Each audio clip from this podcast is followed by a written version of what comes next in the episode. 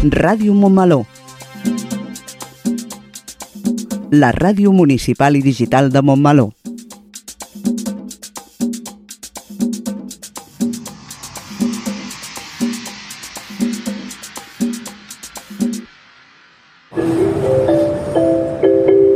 Propera parada, Montmeló.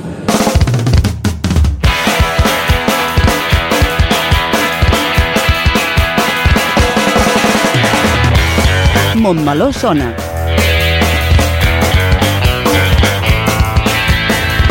El magazín informatiu de Ràdio Montmeló.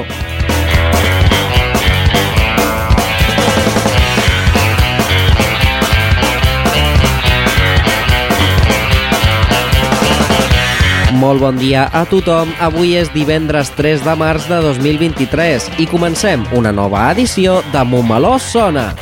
Programa número 59. Ostres, Rubén, cada cop que vinc a presentat noto la veu més ronca. Sí que és veritat que he tornat a agafar un bon refredat i sí que coincideix amb les vegades que presentem junts. A veure si juntar-nos a l'emissora serà com anar vestit de groc a l'escenari o dir Macbeth dins un teatre. Llavors vols dir que nosaltres tenim la nostra pròpia maledicció de Ràdio Montmeló? Doncs gairebé millor anem per feina i acabem ràpid el programa que encara acabaré rebent jo. Montmeló Sona és el magazín informatiu setmanal de Ràdio Montmeló, coordinat per l'equip de comunicació de l'Ajuntament. Avui tenim amb nosaltres a la Maria Costa Freda amb el Toquem el 2 i a la Lola Robles al bloc de l'entrevista. I els que conduirem el programa d'avui som la Mercè Bolart i un servidor, el Rubén Cantón. I una vegada fetes les presentacions, passem al sumari de continguts que tenim preparats pel programa d'avui.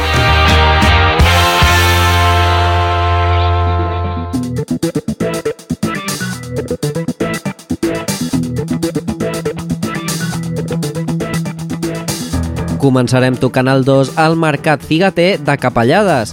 La Maria Costa Freda ens explica en què consisteix i parla amb el regidor de Cultura i Promoció Econòmica de Capellades, Àngel Solteres.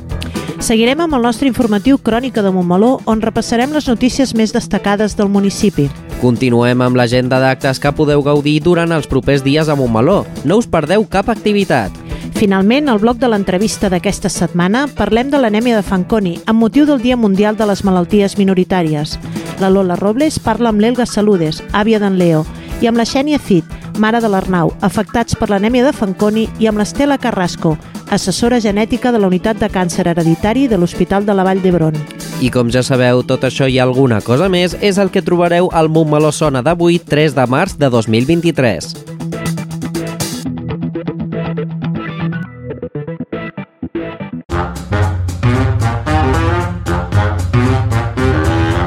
Montmeló sona, el magazín informatiu de Ràdio Montmeló. Montmeló sona i sona així de bé.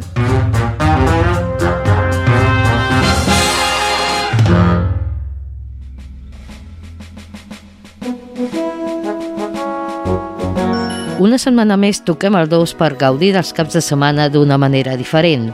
Aquesta setmana us convidem a marxar al Mercat Figater de Capellades. Ramonet,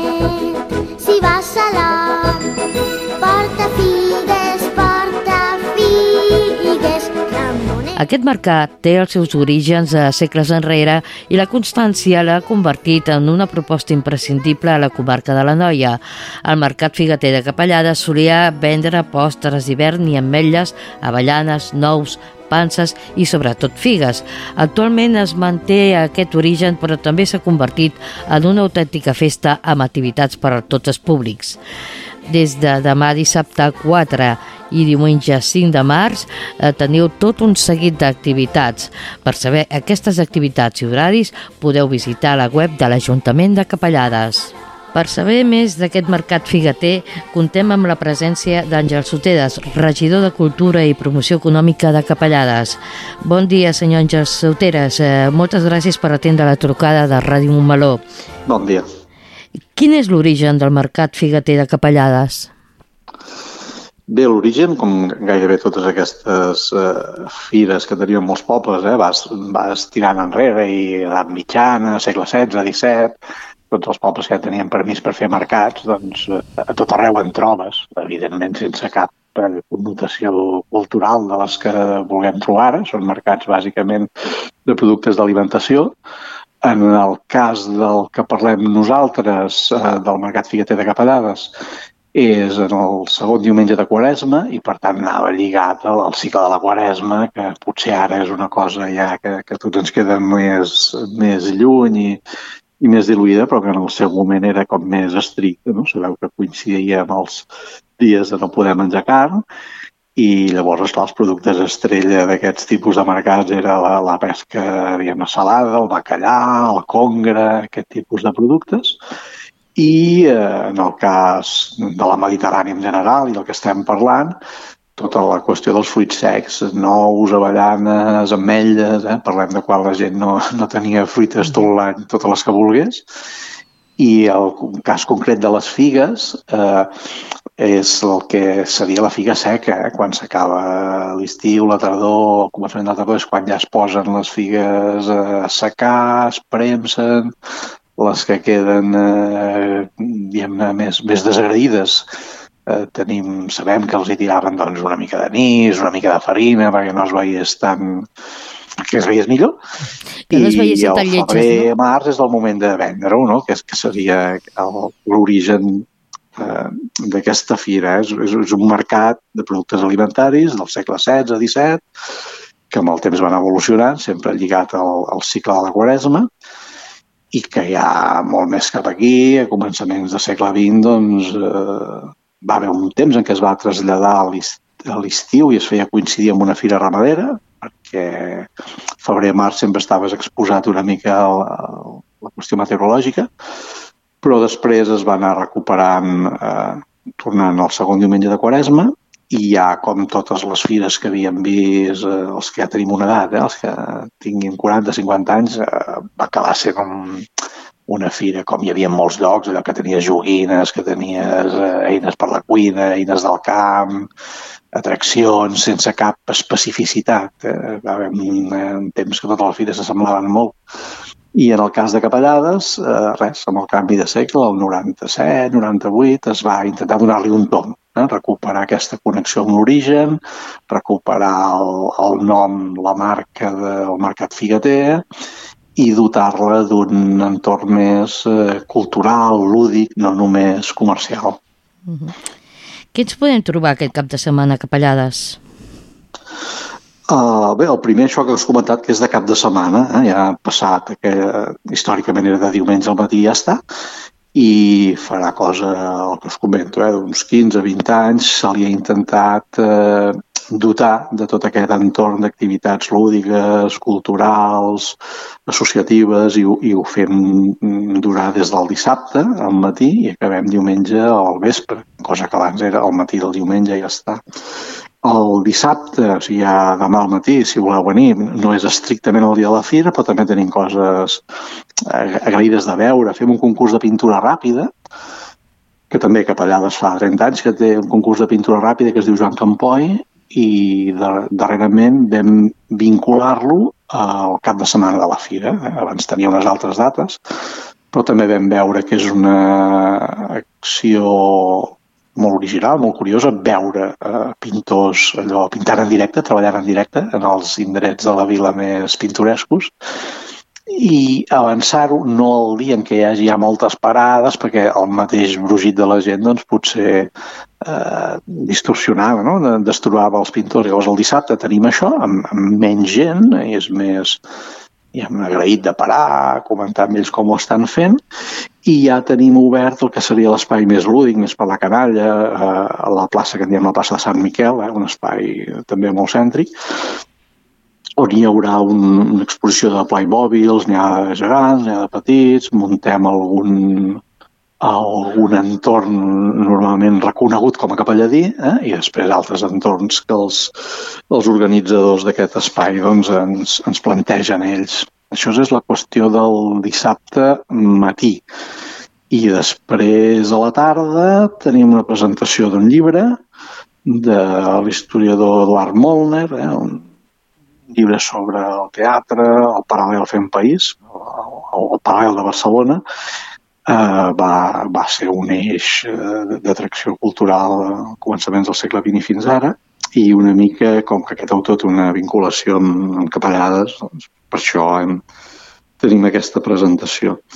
I de nit eh, hi ha un sopar, un sopar musical amb dues pianistes, fan un concert de piano quatre mans i hi ha, i el que es comentava, eh, hi ha sopar.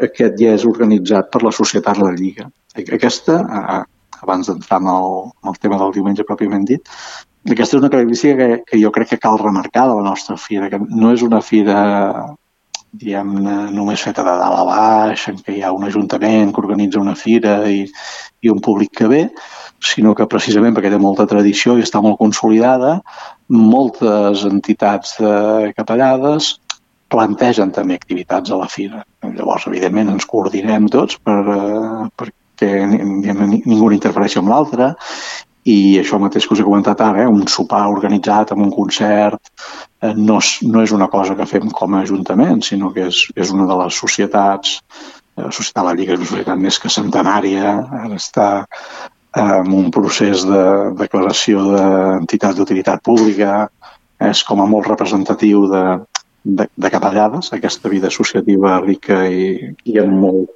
amb molta trajectòria. I després del diumenge, que és el dia de, de Fira Fira, és una mostra de comerç, de serveis, hi ha multitud de parades, tant de allò típica, firaires de fora que demanen per venir a vendre qüestions d'alimentació o eines de, de camp, tot això que heu vist a molts altres llocs, eh, sabons, joies, roba, i en aquest cas també eh, hem integrat amb els mateixos comerços capelladins, que molts d'ells doncs, fan parada fora de, de la seva botiga, o en un espai central, que és la plaça de Catalunya, eh, englobats com a associació de comerciants de capellades, Capellades Comerç, també tenen un estand eh, com, a, com a associació, eh, a banda dels que puguin tenir cadascun d'ells. Hi haurà, per tant, tota aquesta qüestió més comercial i com a activitat més cultural i més festiva hi ha un rally fotogràfic, una associació fotogràfica de, de Capellades, que també és una entitat aquesta no especialment antiga, però sí molt, molt activa, organitza un rally fotogràfic, pot venir gent de, de tot arreu, i és, és un concurs de fotografia amb unes hores diguem-ne, acotades i després eh, clar, tenim moltes fotografies que reflecteixen molt bé aquesta, aquesta vitalitat, vitalitat de la fira. La gent quan passeja entre totes aquestes parades comercials i els fotògrafs fent fotos també es trobaran eh, al poble, la part més, més central, ambientada, amb ambientació floral. Cada any busquem una mica un, algun fil conductor. Eh? El primer any era la novetat de fer-ho, però després ja buscàvem doncs, el tema de, del teatre. O... I aquest any es busca que tinguin l'ambientació floral alguna relació amb il·lustradores, amb il·lustradores, amb, amb femení, eh? amb Roser Capdevila i Pilarín Vallès, i hem demanat eh, Jardí Flor Torres, que és qui sempre ens fa això, també és una és un comerç que per dir de llarga tradició en el, en el sector de la flor, són els que es, eh, ens preparen l'ambientació. Aquest any, a la Quaresma, com que ballen les dates, eh, aquest any hem triat el tema aquest de les, de les il·lustradores perquè eh, serà el primer cap de setmana de març i sabeu que re, tres dies després serà el 8 mm, que és una, és una data de connotacions de, de feministes, de la dona treballadora, i llavors sempre procurem que la fira respecta l'esperit d'una fira, però que s'integra una mica amb la resta de, de coses que passin al voltant d'aquella data. Llavors, a part de les qüestions, insisteixo, comercials i lúdiques, també hi ha algunes accions de reivindicació feminista després us, us ho comentaré, per exemple, un dels espectacles de carrer que hi haurà és un espectacle d'humor però que va sobre, per tractar seriosament la vulneració dels drets de les dones. Un espectacle de Kelly's Influences es diu l'espectacle. No? part de les inauguracions institucionals, hi ha les mostres de cultura popular, hi haurà les ballades de gegants i també de gegantets de capellades, i hi haurà diferents cercaviles, eh? passacarrers amb, amb músics ambulants, en aquest cas també la banda de l'Escola de Música de Capellades, i hi haurà, a banda d'aquesta música circulant, hi haurà concerts eh, allò físicament estables. Eh? Hi ha un concert que organitza Lemon Day, que també és una associació caparadina que organitza sempre concerts de, de pop i de rock ja fa força anys. Hi haurà les, les actuacions musicals del coro de la Virgen de la Cabeza, que també fan un tast, un tastet d'amigues, la Casa d'Andalucía. Hi, hi, ha, qüestions, ja us dic, tant eh, musicals, festives, qüestions, eh, hi ha accions de gastronomia, tastets, hi ha el vermut eh, migdia a càrrec de les diferents bodegues del poble, amb una sessió musical.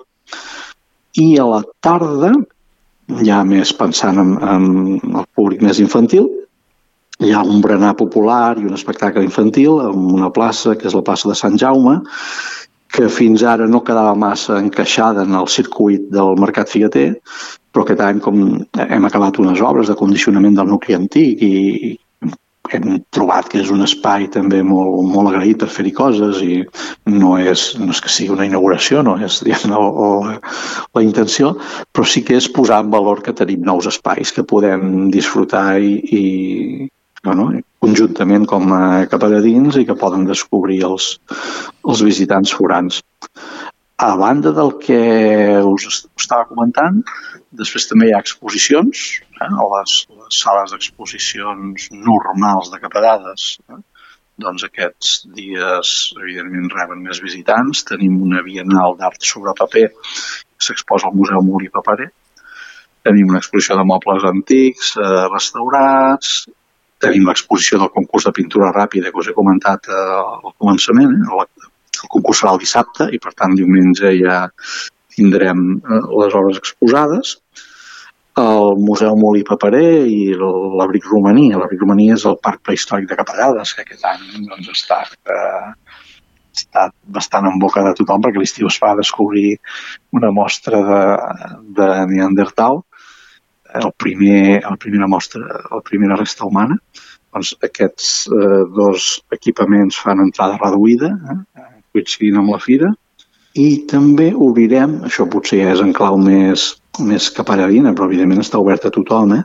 s'obriran dos equipaments nous perquè la gent els pugui veure abans de les inauguracions ja pertinents quan sigui el moment hi ha un, el que en diem l'espai jove, que es diu La Cova, és un espai llargament reivindicat eh, pel jovent capelladí, que ara estarà ja en marxa, i, i també farem una jornada de portes obertes al que serà el restaurant associat al, al parc prehistòric del, de l'abric romaní que us he comentat abans, que també eh, començarà a funcionar aquest estiu, s'ha de fer la licitació perquè hi hagi un concessionari, però volem allò, compartir l'espai amb, amb tothom que el pugui visitar.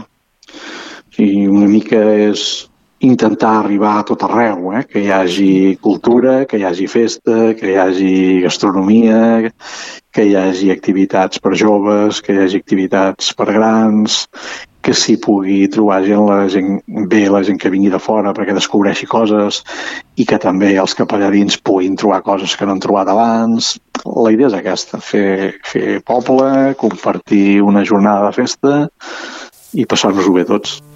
Doncs moltíssimes gràcies, eh, senyor Soteres, per la seva presència a Ràdio Montmeló i informar-nos del mercat figater de Capellades, que és prou atractiu perquè montmelonins i montmelonines el podem visitar. Uh, aquí us esperem a tots, sereu benvinguts. Moltíssimes gràcies, senyor Soteres. D'acord, gràcies a vosaltres. Posem punt i final al Toquem el 2 d'avui. La setmana vinent més, on tocarem el 2 a un altre indret de Catalunya per gaudir de més tradicions i festivitats catalanes. Bon cap de setmana. I un pardal ens ve saludar. Pujarem dalt d'un turó per veure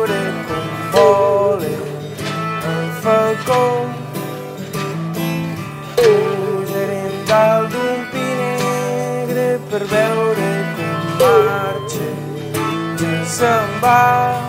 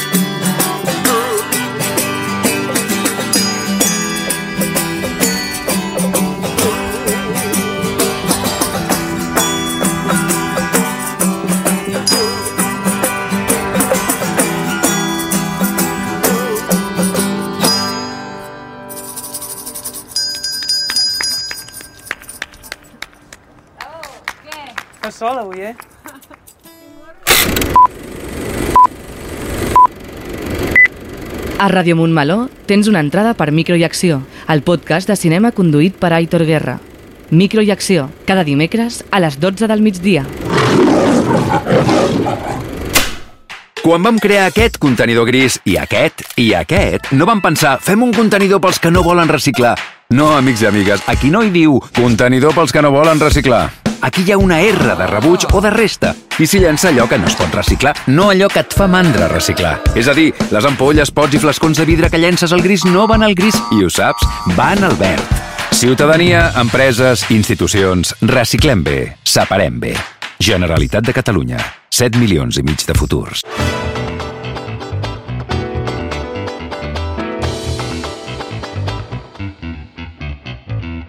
Entrem en el nostre bloc informatiu Crònica de Montmeló i donem pas, una vegada més, a les notícies locals més importants d'avui, divendres 3 de març de 2023. Aquest és el sumari. Avaluació per part de la Universitat Politècnica de Catalunya de la qualitat de l'aire de compostos orgànics volàtils de Montmeló. Lluitem plegats, dones i homes, pels drets de les dones. La ràdio s'afegeix al vuitema amb les píndoles feministes. Pilates per embarassades al pavelló. Xerrada per a famílies. Inscriu-te i tria el tema de la xerrada. I tancarem, com sempre, el bloc informatiu amb el repàs de les activitats culturals dels propers set dies.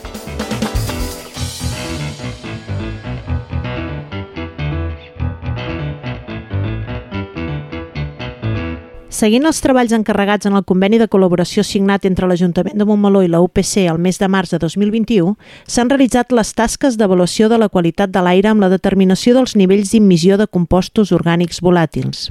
Cinc estacions de sensors amb capacitat de presa de mostres automàtica van instal·lar-se en els mesos d'abril i maig de 2022 en cinc punts del municipi triats entre diverses opcions que es van proposar per part de l'Ajuntament de Montmeló, l'Escola Pau Casals, Horts de Cal Quico, Policia Local, Escola Sant Jordi i La Torreta. Aquests equips han estat dissenyats i fabricats al laboratori del Centre de Medi Ambient de la Politècnica de Catalunya. Compten amb dos sensors generalistes de compostos orgànics volàtils totals que un cop calibrats en un període d'absència d'episodis han estat llestos per detectar increments d'aquests compostos que puguin generar un episodi d'olor-molèstia. Així mateix també compten amb sensors meteorològics de temperatura, humitat relativa i pressió atmosfèrica. El registre de les dades d'episodis i meteorològiques s'ha generat ininterrompudament des del moment de la seva instal·lació, dades dels sensors cada 60 segons durant períodes d'absència d'episodis i dades cada 10 segons durant períodes episòdics amb excepció de petites incidències degudes al rodatge dels prototips que s'han anat ajustant quan ha sigut necessari. Durant els mesos d'octubre i novembre de 2022 es va dur a terme la presa de mostres d'episodis en els 5 punts del municipi i dimarts passat es va presentar l'informe dels resultats. Per conèixer els detalls d'aquesta reunió parlem amb l'alcalde Pere Rodríguez. Bon dia, Pere. Molt bon dia. Ens pots explicar quin és el resultat de la reunió? Doncs eh, el, el personal de la UPC eh, ja eh, ha pogut fer una primera explotació de les dades recollides pels equips instal·lats a, al municipi. Són uns equips que fan mesura contínua de components volàtils a l'aire i determinen de quins components es tracta i ja ens han pogut venir a presentar les primeres, eh, els primers resultats. Eh, són equips que estan eh, prenent mesures de manera contínua i, per tant, vol dir que eh, tenen una quantitat de dades bastant important i, per tant, encara no tenim resultats definitius. El que hem vingut a presentar-nos és el que de moment estan trobant eh, a partir dels, dels components volàtils eh, que detecten aquests equips. Eh, una cosa rellevant a destacar és que som dels primers municipis de Catalunya que disposem d'aquesta informació tan, tan detallada, perquè gràcies a aquests equips podem saber quins components exactament s'estan trobant a l'aire, a quines hores, quins dies i amb quina component de vents i, per tant, amb, i amb quina meteorologia. Mm. Aquests components eh, habitualment van relacionats amb determinats processos productius, és a dir, determinats processos productius generen determinats components que eh, tenen emissions. I si això ho sumem a les corrents d'aire i ho sumem a la meteorologia, eh, i, a, i evidentment el dia i l'hora en què s'han trobat, eh, doncs això ens dona moltíssima informació per poder arribar a determinar de quines indústries concretament estem parlant.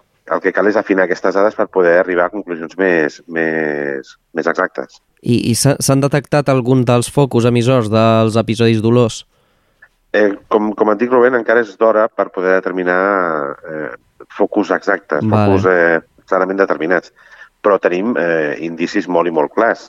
De, de quins poden ser els processos productius, que alguns d'ells segurament no estaran al nostre municipi, sinó que estaran a municipis del voltant, però que gràcies a aquestes mesures, gràcies a aquests components, podem determinar que, és a dir, si es tracta d'un component lligat a la fabricació de plàstics, doncs és molt evident que ha d'estar relacionat amb alguna indústria que fabriqui o que dintre dels seus processos productius fabriqui plàstics, mm. eh, etc. No? I això, eh, amb aquesta informació que repeteixo, som dels pocs municipis que, que, que tenim, doncs eh, ens podrà, es permetrà poder començar a determinar focus concrets d'emissió i començar a interlocutar amb aquestes indústries. Mm. I llavors, què és el que cal fer a partir d'ara?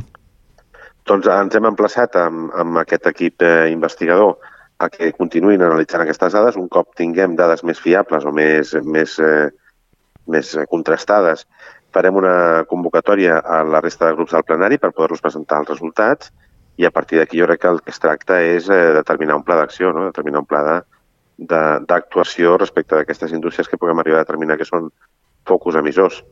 Una altra dificultat que ens trobarem, amb tota seguretat, és eh, el que determina la normativa, la normativa de la Generalitat respecte a emissions, perquè nosaltres podem arribar a determinar que una determinada indústria està generant emissions, però tot i així aquesta indústria està dintre de la normativa actual i per tant pràcticament amb tota seguretat haurem de també interlocutar amb la Generalitat perquè perquè crec que eh, necessitem un, un canvi de normativa que, ens, que, que sigui una mica més estricta amb les emissions. D'acord, doncs moltes gràcies, Pere. Gràcies a tu, Rubén. Gràcies. Cada any, el 8 de març, commemorem el Dia Internacional dels Drets de les Dones. És una data de reivindicació perquè hem de continuar denunciant les discriminacions estructurals que pateixen les dones només pel fet de ser dones. Tot i els avenços aconseguits en les últimes dècades, encara són moltes les discriminacions que pateixen les dones. Una de les més evidents a nivell quantitatiu és la nostra situació al mercat de treball. Les dones són menys presents en el mercat de treball. La taxa d'ocupació femenina és 10 punts inferior a la masculina i les dones suposen el 75% de la població assalariada a jornada parcial. De fet, es calcula que si les dones que ara treballen a jornada parcial ho fessin a temps complet, la bretxa salarial es reduiria en un 60%. La discriminació al mercat de treball és tan vertical com horitzontal. Hi ha sectors sencers que estan feminitzats i, en conseqüència, precaritzats gairebé en la seva totalitat, com és el sector de les cures o la neteja. Tampoc ha millorat la segregació vertical, doncs les dones ocupen només el 6% de les direccions generals de les grans empreses espanyoles, ni tan sols arribant a la mitjana europea d'un trist 8%. La bretxa salarial entre homes i dones al nostre país se situa encara al 20,9%. Cal recordar que el 37,83% de les dones assalariades l'any 2021 a Catalunya van tenir ingressos iguals o inferiors al salari mínim interprofessional, percentatge que disminueix fins al 29,8% en el cas dels homes i que, si bé és cert que de mitjana cobren un 20,9% menys, aquesta distància no és la mateixa al llarg de tota la vida, accentuant-se durant l'època reproductiva fins a arribar al punt màxim amb la jubilació, 37,94%. És evident que la manca de corresponsabilitat a l'espai privat penalitza les dones, i és que tot i els avanços en la cura dels fills per part de les noves generacions, el 95% de les persones que diuen reduir-se la jornada per cura d'un tercer són dones. El 8 de març és un dia de reivindicació dels drets de les dones, però ha de ser també un dia de lluita conjunta d'homes i dones. Cal que els homes, que tampoc volen viure en una societat patriarcal, els que defensen una masculinitat alternativa a la tradicional, lluitin al nostre costat i sentin que la nostra causa és la seva. Els actes del 8 tema d'aquest any s'han pensat amb l'objectiu d'oferir una programació que arribés al conjunt de la població de Montmeló. Estigueu atents i atentes a l'agenda del programa d'avui on us els detallarem. La ràdio aquest any també s'afegeix a la commemoració del 8M i ha demanat a les dones de diferents edats i de diferents equipaments municipals la seva opinió sobre el feminisme. Aquestes veus han estat gravades i seran les píndoles que anireu sentint al llarg dels programes d'aquesta setmana i de la vinent. Les preguntes que els hi hem fet a cadascuna d'elles han estat Què és per tu el feminisme? Ets feminista? Per què? Creus que Montmeló és un poble feminista? Per què? I són les mateixes preguntes que fem arribar a les nostres oients i que ens agradaria ens responguéssiu amb notes de veu que publicarem en el proper programa. Us animeu? L'oferta de les activitats dirigides del pavelló municipal inclou sessions de pilates dirigides a embarassades. Les classes de pilates per embarassades es realitzen els dimarts i dijous d'un quart de set a set de la tarda. Dins dels beneficis més importants que ens aporta la pràctica de pilates per embarassades tenim els següents.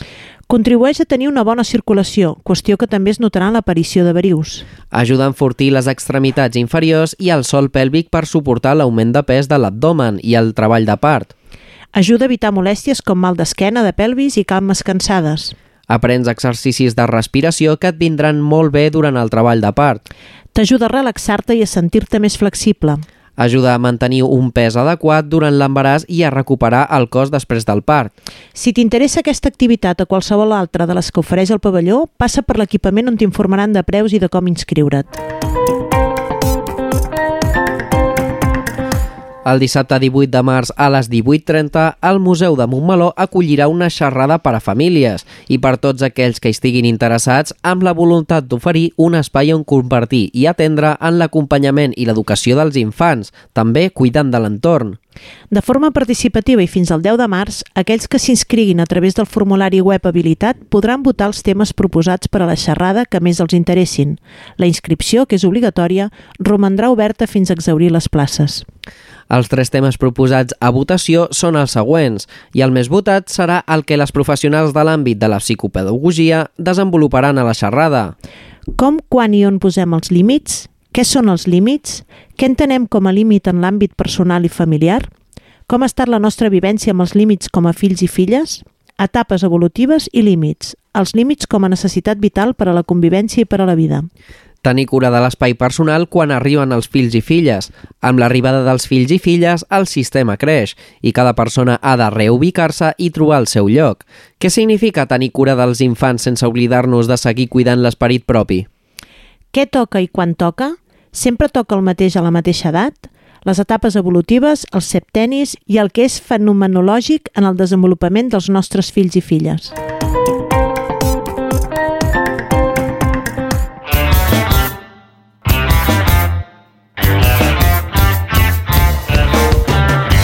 I passem al segon bloc informatiu del Montmeló Sona, que s'ocupa de l'agenda cultural d'aquest cap de setmana, que s'inicien els actes sobre el Dia Internacional de les Dones i un avançament dels actes del cap de setmana vinent.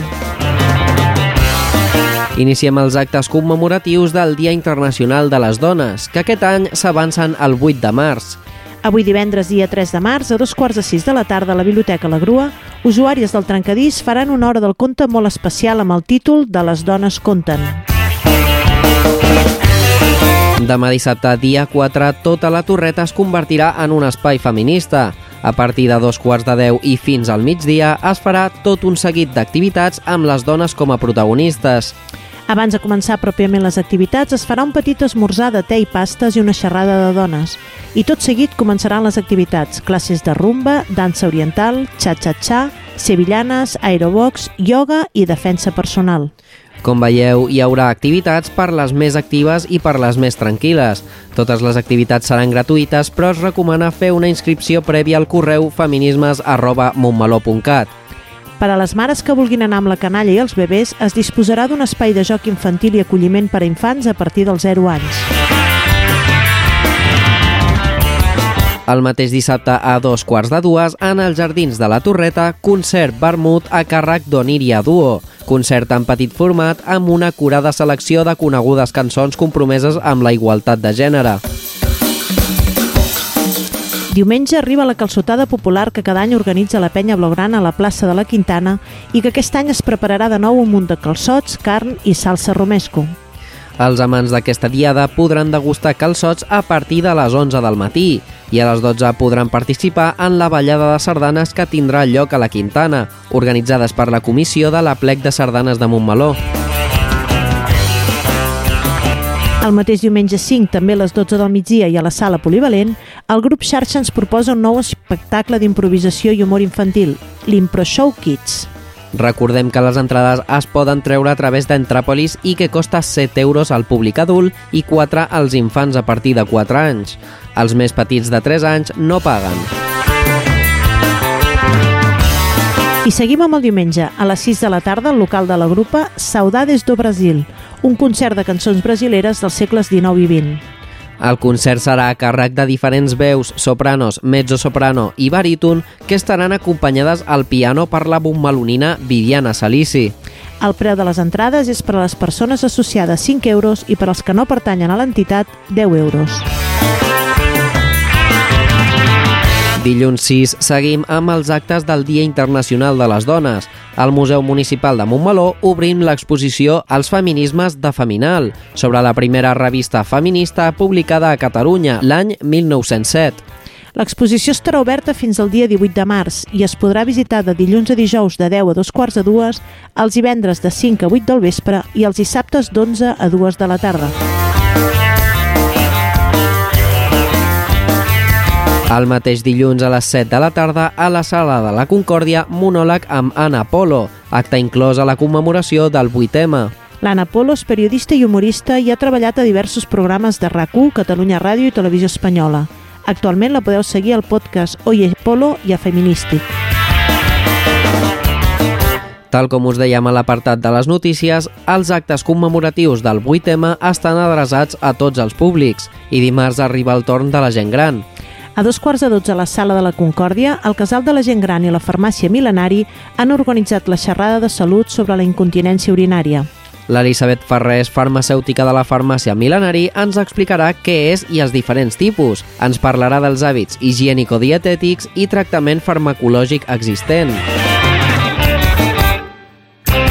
I arriba dimecres 8 de març, Dia Internacional de les Dones, on a dos quarts de dotze del migdia a la Sala de la Concòrdia es farà la lectura del manifest institucional. I tanquem setmana amb l'acte de divendres vinent, dia 10 a les 6 de la tarda a la Biblioteca Municipal La Grua, que ens ofereix una nova proposta de Bibliolab.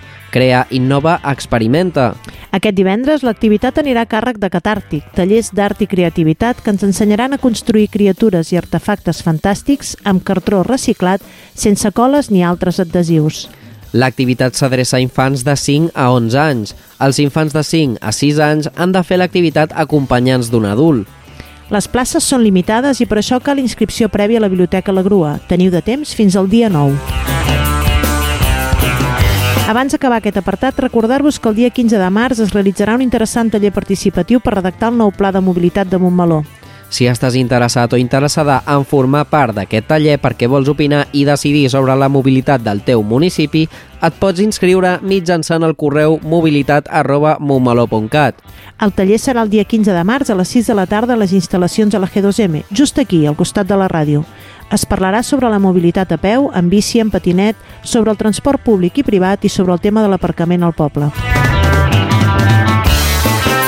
Tanquem aquí el nostre bloc informatiu. Com sempre diem, tot això i molt més ho podeu trobar també al web montmeló.cat, al butlletí crònica i a l'agenda mensual municipal.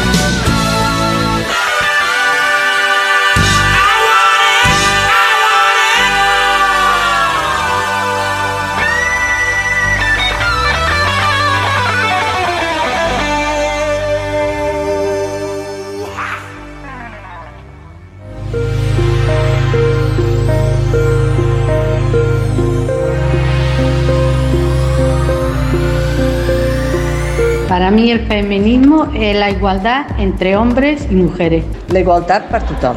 El feminismo es un movimiento mundial e impulsado sobre todo por, por mujeres, cuyo objetivo es lograr la igualdad de género, poniendo fin a la violencia contra la mujer y su subordinación social y reivindicando sus derechos.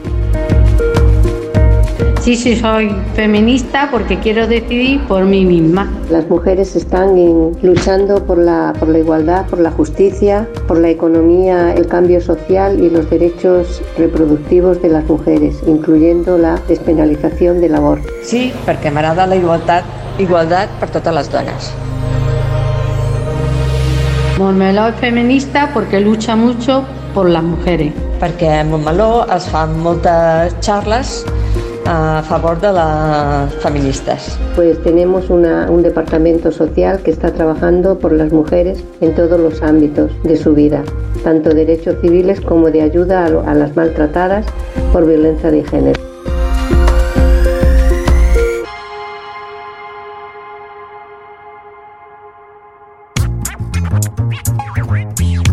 Descobreix el patrimoni del nostre municipi amb el Pol Castejón i la Maria Antònia Carrasco. Patrimon. El primer dilluns de cada mes a les 12 del migdia.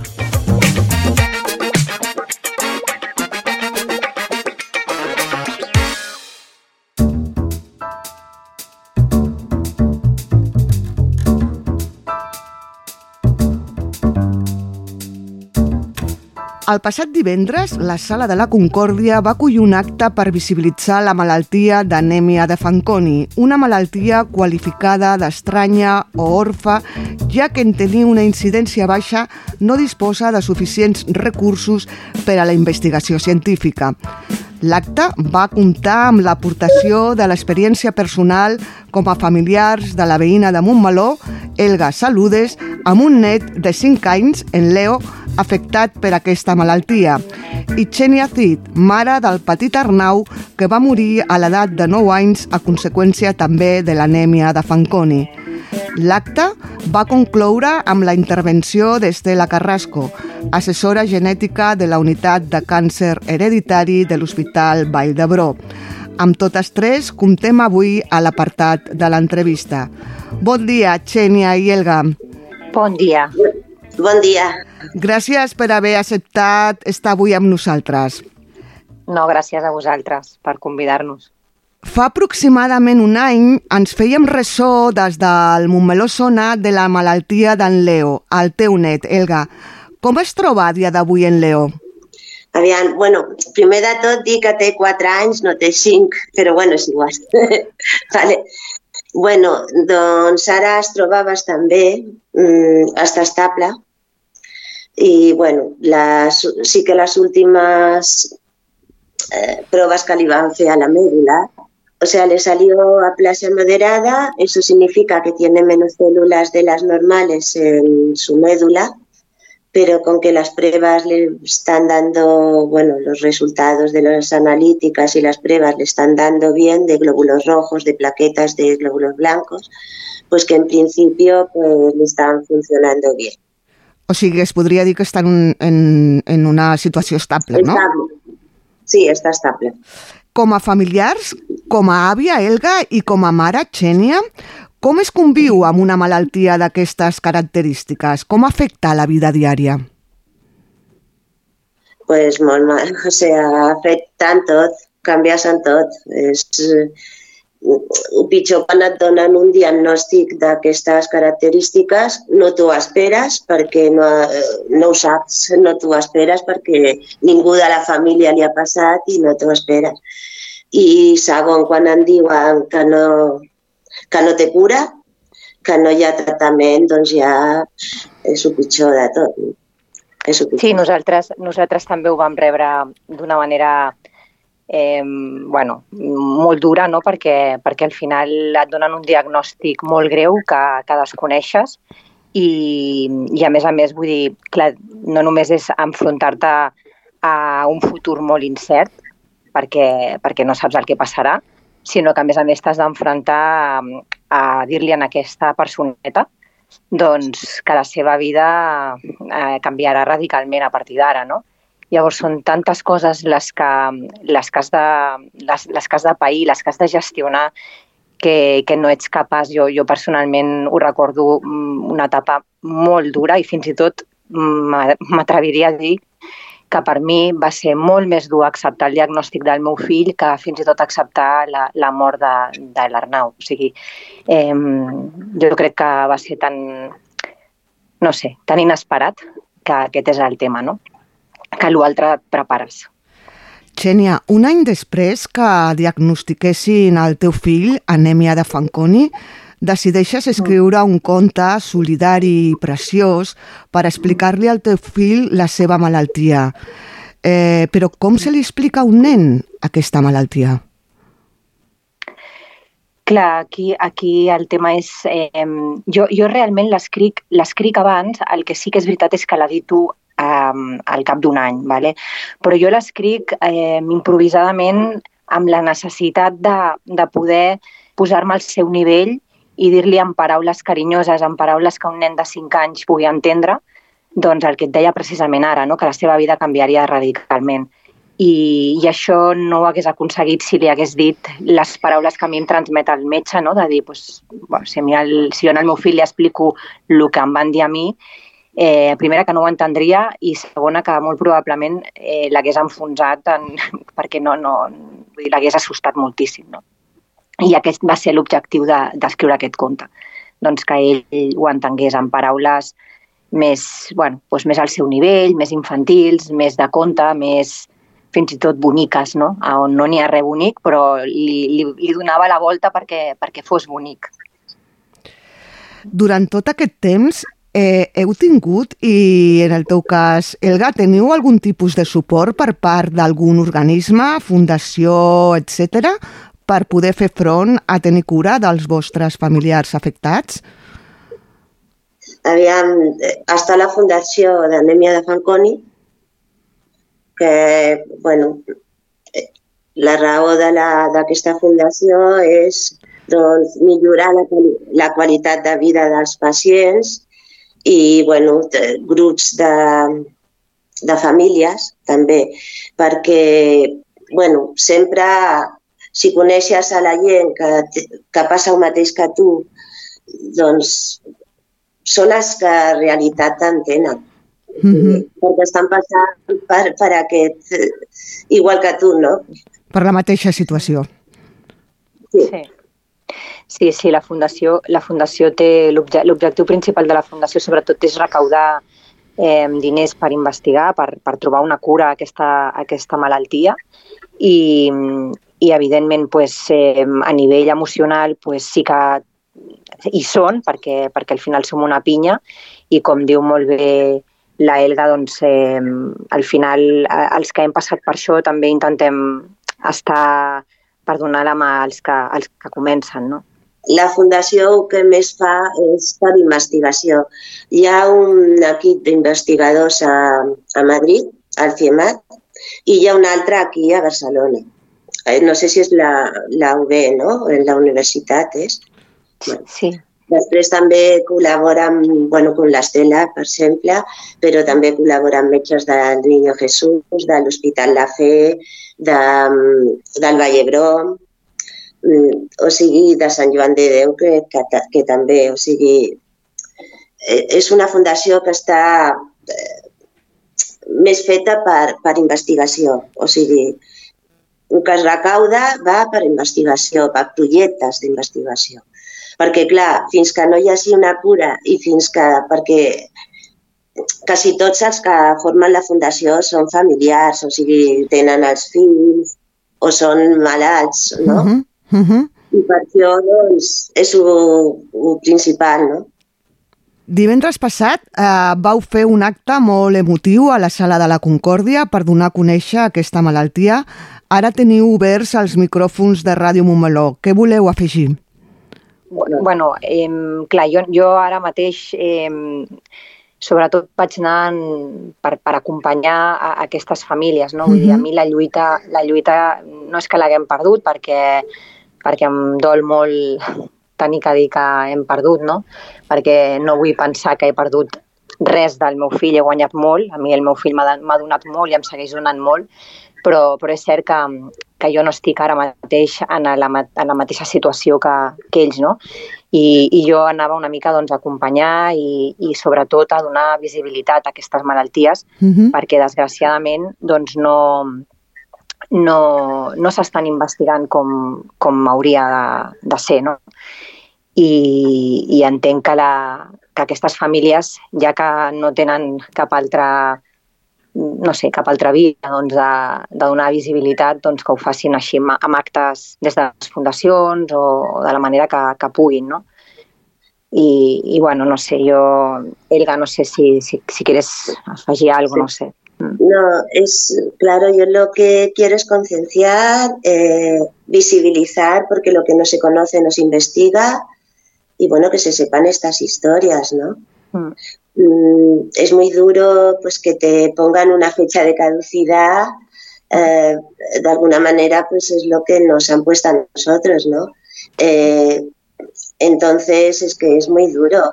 Yo la primera vez me acuerdo que estaba trabajando en el ayuntamiento limpiando el pabellón cuando el COVID, eh, o sea, desinfectando cuando el COVID, y claro, salieron los niños pequeños a jugar, no sé si era fútbol sala o, y yo me tenía que meter en el baño a llorar, no podía. eh, no sé, el día de su cumpleaños yo estaba muy feliz porque el niño ahora está muy bien y bueno, dentro de su enfermedad, pues sí, pero también estás pensando, eh, sí, cuatro, ha cumplido cuatro años, pero es como que piensas, no sé si restarlos o sumarlos.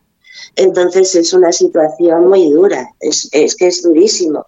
Y aunque tú no lo quieras pensar y te digan disfruta de él, vive el día a día, mientras hay vida y esperanza y no lo quieras pensar, pero es que no puedes dejar de pensarlo si todos los investigadores, los médicos que llevan estas enfermedades y todos te están diciendo, te están poniendo estas estadísticas, ¿no?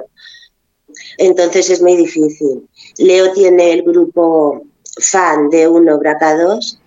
Como dijo la doctora, hay 23 genes y en la anemia de Fanconi hay 23. El más común es el FANA, que es el que están investigando. ¿no? Y hasta que no encuentren alguna cura eh, o algún tratamiento para este gen, pues no pueden investigar los otros que son minoritarios. ¿no?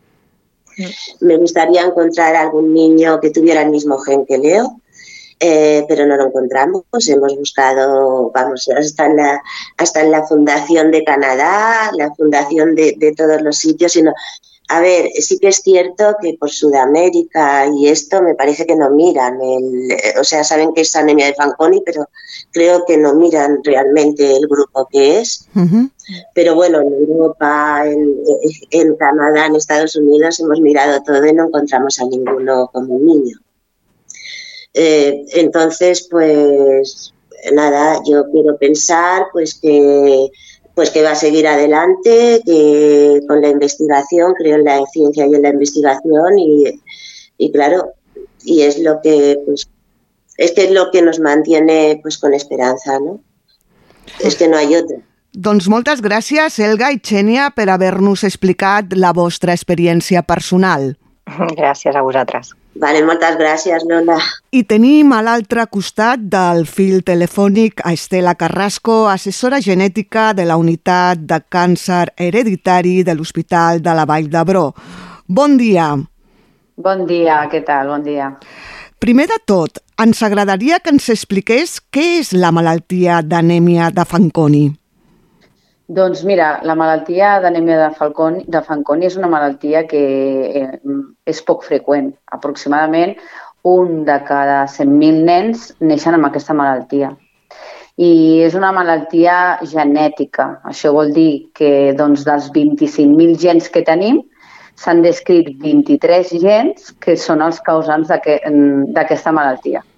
I aquesta malaltia, doncs, eh, en principi, és una malaltia hereditària, però és una malaltia hereditària recessiva. Això què vol dir? Doncs que els pares tenen la característica genètica, però no tenen cap tipus de símptoma, perquè eh, com tenim dos còpies de cada gen, els pares, una de les còpies del gen la tenen alterada i l'altra no. El problema és que quan volen tenir descendència poden transmetre cada un d'ells la còpia que no funciona d'aquest gen i llavors el nen neix amb les dues còpies del gen malament i llavors té la malaltia. Per això es diu que és una malaltia eh, recessiva. Per tant, una parella que, doncs, que té una característica genètica d'aquest tipus, cada vegada que es, que, que es volen quedar embarassats tenen un 25% de probabilitats de tenir un nen amb l'anèmia de Fanconi. I quins són els principals símptomes d'aquesta malaltia? Com es detecta? Doncs mira, és una malaltia que el problema que tenen és que tenen fragilitat cromosòmica. Doncs, i, I això què vol dir? Doncs que totes les persones eh, constantment estem dallant les nostres cèl·lules amb la contaminació, l'alimentació, l'estrès, però les, les nostres cèl·lules són capaces de reparar-se. En canvi, els pacients amb anèmia de Fanconi no tenen aquesta capacitat. Si es lesionen aquestes cèl·lules, aquestes cèl·lules no són capaces de reparar-se i, per tant, es queden danyades i, come, i pot començar doncs, a créixer un càncer. No? Llavors, aquests nens en edat pediàtrica eh, poden presentar, el primer que poden presentar és, és, són alteracions de la mèdula òssia, o sigui, vol dir anèmies, baixades de les plaquetes o leucèmies, i alguna vegada alguns mm, d'aquests gens de l'anèmia Fanconi, que hem dit que n'hi havia 23, doncs alguns poden provocar tumors en edat pediàtrica, com per exemple doncs, el tumor de Wilms, que és un tumor de ronyó infantil. I, a més a més, doncs, a nivell característic, doncs, poden tenir característiques físiques, com tenir un cap més petit, poden tenir taques a la pell de color cafè amb llet, poden tenir els ulls una miqueta més juntets, o una cosa molt característica és que el dit polsa de la mà doncs és més petit o està malament col·locat, din, eh, posicionat dintre de la mà. I quin és el seu pronòstic avui dia? Com afecta en el dia a dia dels pacients en la seva qualitat de vida? Doncs depèn una mica del gent, però el pronòstic pot ser una mica diferent. Um, els pacients poden tenir, un, malauradament, un final de vida en edat pediàtrica, depenent del gen, però sí que és cert que cada vegada més tenim pacients que arriben a, a l'edat adulta. No? A, I a més, o sigui, al voltant del 80% de les persones amb anèmia de Fanconi viuen fins als 18 anys eh, d'edat aproximadament. Quin és el programa de detecció precoç per a aquests pacients? Vale. Doncs, bueno, aquesta malaltia cal dir que no es pot prevenir però sí que és, és important que es faci una bona detecció precoç, sobretot a l'arribar al voltant de l'edat adulta, perquè els incrementa molt el risc de fer càncer a tot el que és la boca, la llengua i el coll. I llavors, per això és molt important que es facin revisions periòdiques amb especialistes com el maxilofacial o l'otorrino o inclús els ensenyem a fer-se fotografies de la seva boca perquè se la coneguin i, i és important sobretot que siguin portats per, per equips multidisciplinars. I per acabar, imagino que un dels principals hàndicaps amb els quals eh, s'enfronten és el de la investigació. No és una malaltia a la qual es destinen molts recursos. En aquest sentit, en quina fase o moment ens trobem pel que fa a la investigació científica? Doncs, com bé has dit, eh, malauradament les malalties que són rares, doncs eh, trobar financiació, financiació és, és bastant difícil. No? Llavors, a dia d'avui, respecte a la recerca clínica de l'anèmia de Fanconi, doncs eh, es, es centra molt en aquest, en aquest problema que tenen aquests pacients de reparar l'ADN. No? I el problema que tenen és que aquests pacients no poden rebre els tractaments de, de pacients oncològics mm, mm, que s'ha provocat el càncer d'una altra manera, perquè els tractaments oncològics, la quimioteràpia o la radioteràpia també són danyius per ells, perquè la seva cèl·lula no és capaç de reparar-se després. O sigui que algú que pensem que el pot tractar, malauradament els, els hi pot fer molt de mal. Llavors, eh, un dels de, de la recerca que s'està fent eh, és la teràpia gènica, que el que es fa és que en aquests pacients pediàtrics amb alteració en un gen determinat el que se'ls se fa se'ls treuen aquestes cèl·lules dolentes amb l'alteració genètica i les corregeixen en el laboratori i li tornen a infundir al pacient amb, i amb, amb els resultats són bastant eh, força esperançadors. I quan els pacients amb anèmia de Fanconi doncs ja són més adults, una altra via de recerca és a aquells pacients doncs, que ja han tingut un càncer de, de la boca o del coll o estan en edat de risc de tenir-lo, és treballar sobretot en la detecció precoç, eh, just quan el tumor surt o per intentar detectar-lo molt, molt, molt petit. Llavors, per això el que es fa és, és la biòpsia líquida, que el que fem és detectar en el torrent de la sang del pacient ADN del tumor. I si ho detectem en la sang vol dir que aquest pacient ens dona l'alarma de que aquest pacient està començant de nou amb un càncer i això doncs, és una eina per permetre detectar els inicis del creixement d'un càncer en aquests pacients. Doncs moltes gràcies per atendre la nostra trucada i llançar-nos junt sobre aquesta malaltia i tant de bo es trobi aviat una solució. Moltes gràcies a vosaltres. Les coses que t'han fet plorar, no pensis més en què vindrà demà. Fes un pas més, segueix les petjades que un dia vas fer que et portaran on vas estar fa temps. Ningú t'acompanyarà, però això no et fa menys fort. Tens les coses clares, saps què és el que vols. Trobaràs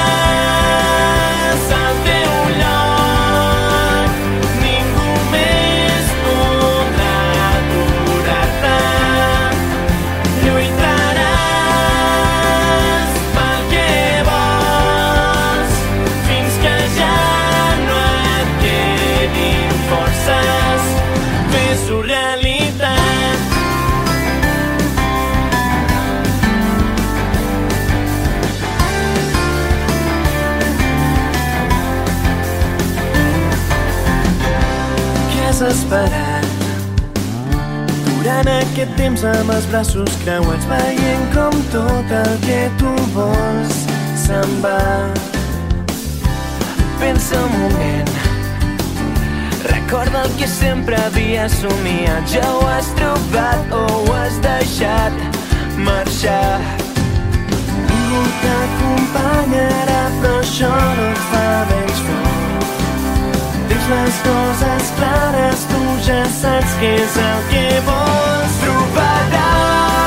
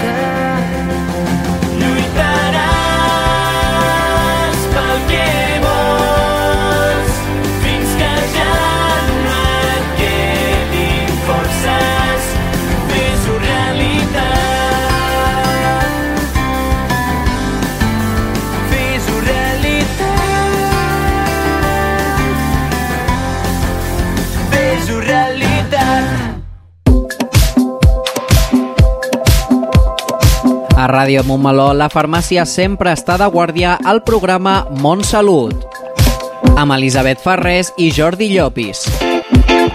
El segon dimarts de cada mes a les 12 del migdia.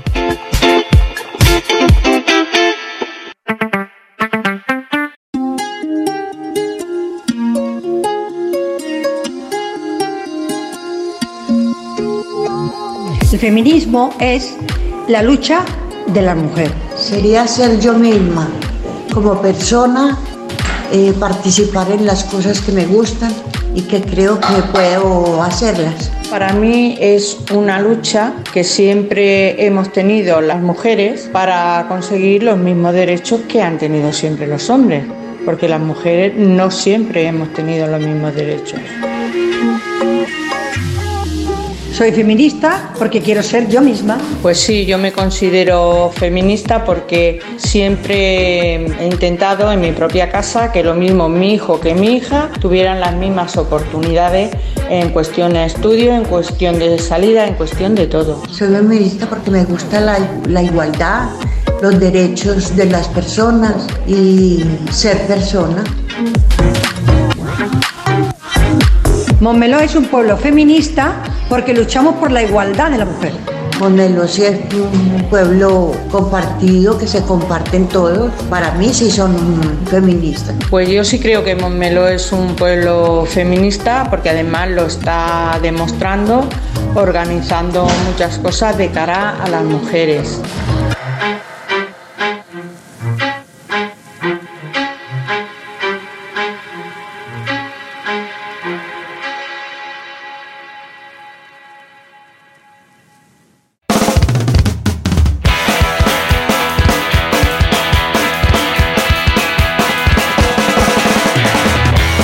Ja ha arribat l'hora de finalitzar el programa d'avui. Però abans d'acabar i passar al tema final, repassem els propers programes que podeu sentir a la nostra emissora.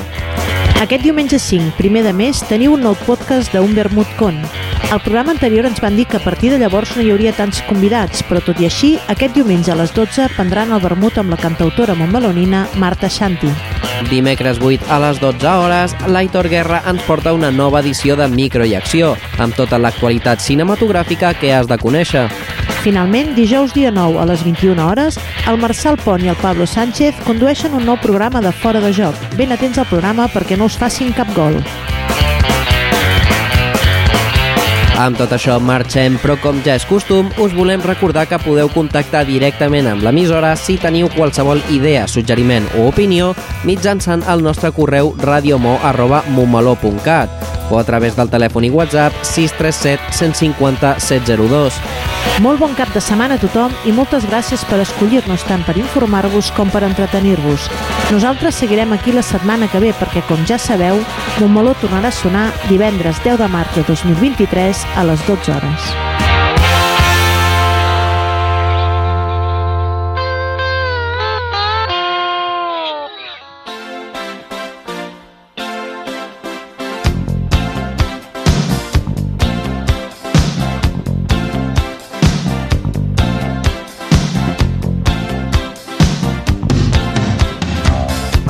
Walks down the street, he says, Why am I soft in the middle now? Why am I soft in the middle? The rest of my life is so hard. I need a photo opportunity.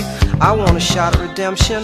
Don't want to end up a cartoon in a cartoon graveyard. Bone digger, bone digger, dogs in the moonlight. Far away, my well lit door. Mr. Beer Melly, Beer Melly, get these mutts away from me, you know. I don't find this stuff amusing. If you'll be my bodyguard, I can be your long lost pal.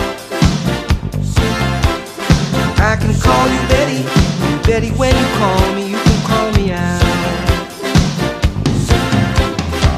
man walks down the street, he says, Why am I short of attention? Got a short little span of attention, and whoa, my nights are so long. Where's my wife and family? What if I die here? Who'll be my role model now that my role model is gone? Gone. He ducked back down the alley with some roly poly little bat faced girl.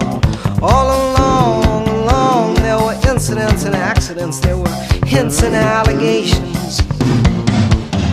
If you'll be my bodyguard, I can be your long lost pal.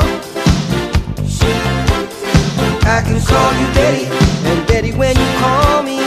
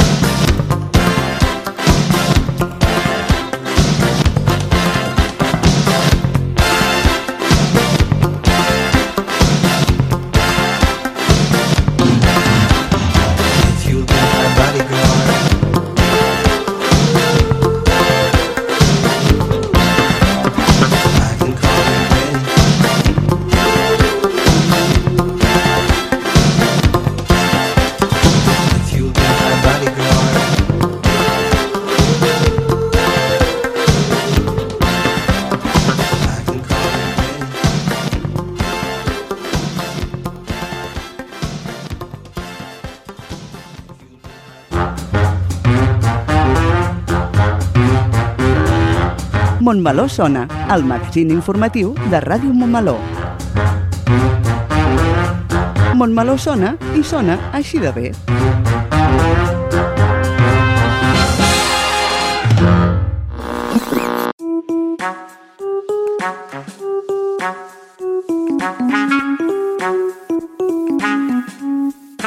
Ràdio Montmeló. Sintonitza'ns al web radiomontmeló.cat i a través de les xarxes d'Instagram, Facebook i Twitter. Ràdio Montmeló, la ràdio municipal i digital de Montmeló.